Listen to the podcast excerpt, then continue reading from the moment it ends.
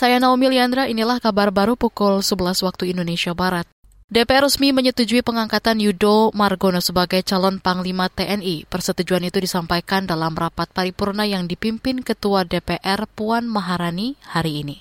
Apakah laporan Komisi 1 DPR RI atas hasil uji kelayakan fit and proper test calon Panglima TNI tentang pemberhentian dengan hormat Jenderal TNI Andika Perkasa SEMA MSC dari jabatan Panglima TNI dan persetujuan untuk menetapkan pengangkatan Laksamana TNI Yudo Margono SEMM sebagai Panglima TNI apakah dapat disetujui? Setuju. Itu tadi Ketua DPR Puan Maharani. Sebelumnya, Presiden Joko Widodo mengusulkan Kepala Staf Angkatan Laut Yudo Margono sebagai calon tunggal Panglima TNI. Yudo akan menggantikan Andika Perkasa yang memasuki usia pensiun akhir bulan ini. Yudo juga telah menjalani uji kelayakan dan kepatutan di DPR 2 Desember lalu. Komisi Pemberantasan Korupsi KPK menilai saat ini resiko tertangkapnya koruptor masih sangat rendah.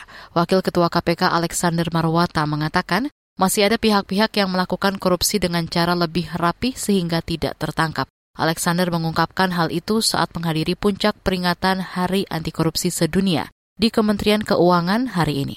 Saya melihat risiko diketahuinya atau risiko tertangkapnya seorang korupsi atau koruptor itu rendah. Ini yang menyebabkan para penyelenggara negara pejabat itu juga masih merasa nyaman Pak untuk melakukan tindakan-tindakan koruptif seperti itu. Ya kita semua saya yakin di Kementerian Keuangan itu banyak sarjana akuntan, banyak sarjana ekonomi ya. Kalau ekonomi itu kan dikenal high risk, high income. Semakin risikonya tinggi, penghasilannya tinggi. Nah, ini kebalikannya Pak dengan korupsi. Risiko korupsi rendah, tapi menghasilkan penghasilan yang tinggi dalam waktu yang cepat, singkat.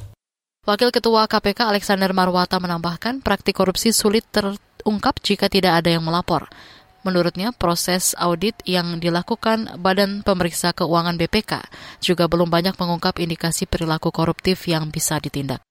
Beralih ke informasi mancanegara, dua tentara Aljazair ditahan setelah merayakan kemenangan Maroko atas Portugal di perempat final Piala Dunia 2022 akhir pekan lalu.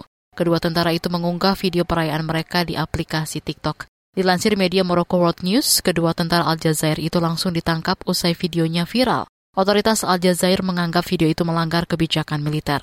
Namun tak ada penjelasan lebih lanjut pelanggaran yang dimaksud. Kini dua tentara itu menjalani persidangan di pengadilan militer. Jika dinyatakan bersalah, mereka terancam hukuman penjara hingga 10 tahun. Aljazair memang memutuskan hubungan diplomatik dengan Maroko tahun lalu karena masalah teritorial. Demikian kabar baru KBR, saya Naomi Liandra.